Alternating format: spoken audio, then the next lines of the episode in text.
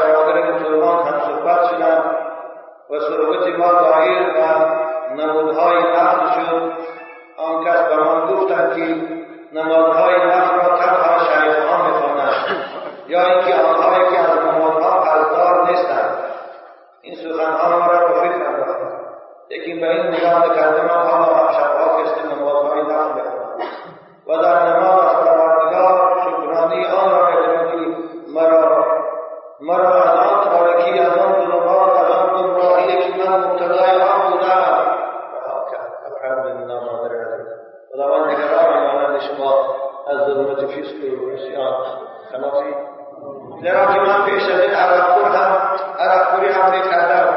و بسیار کارهای نادرست دیگر و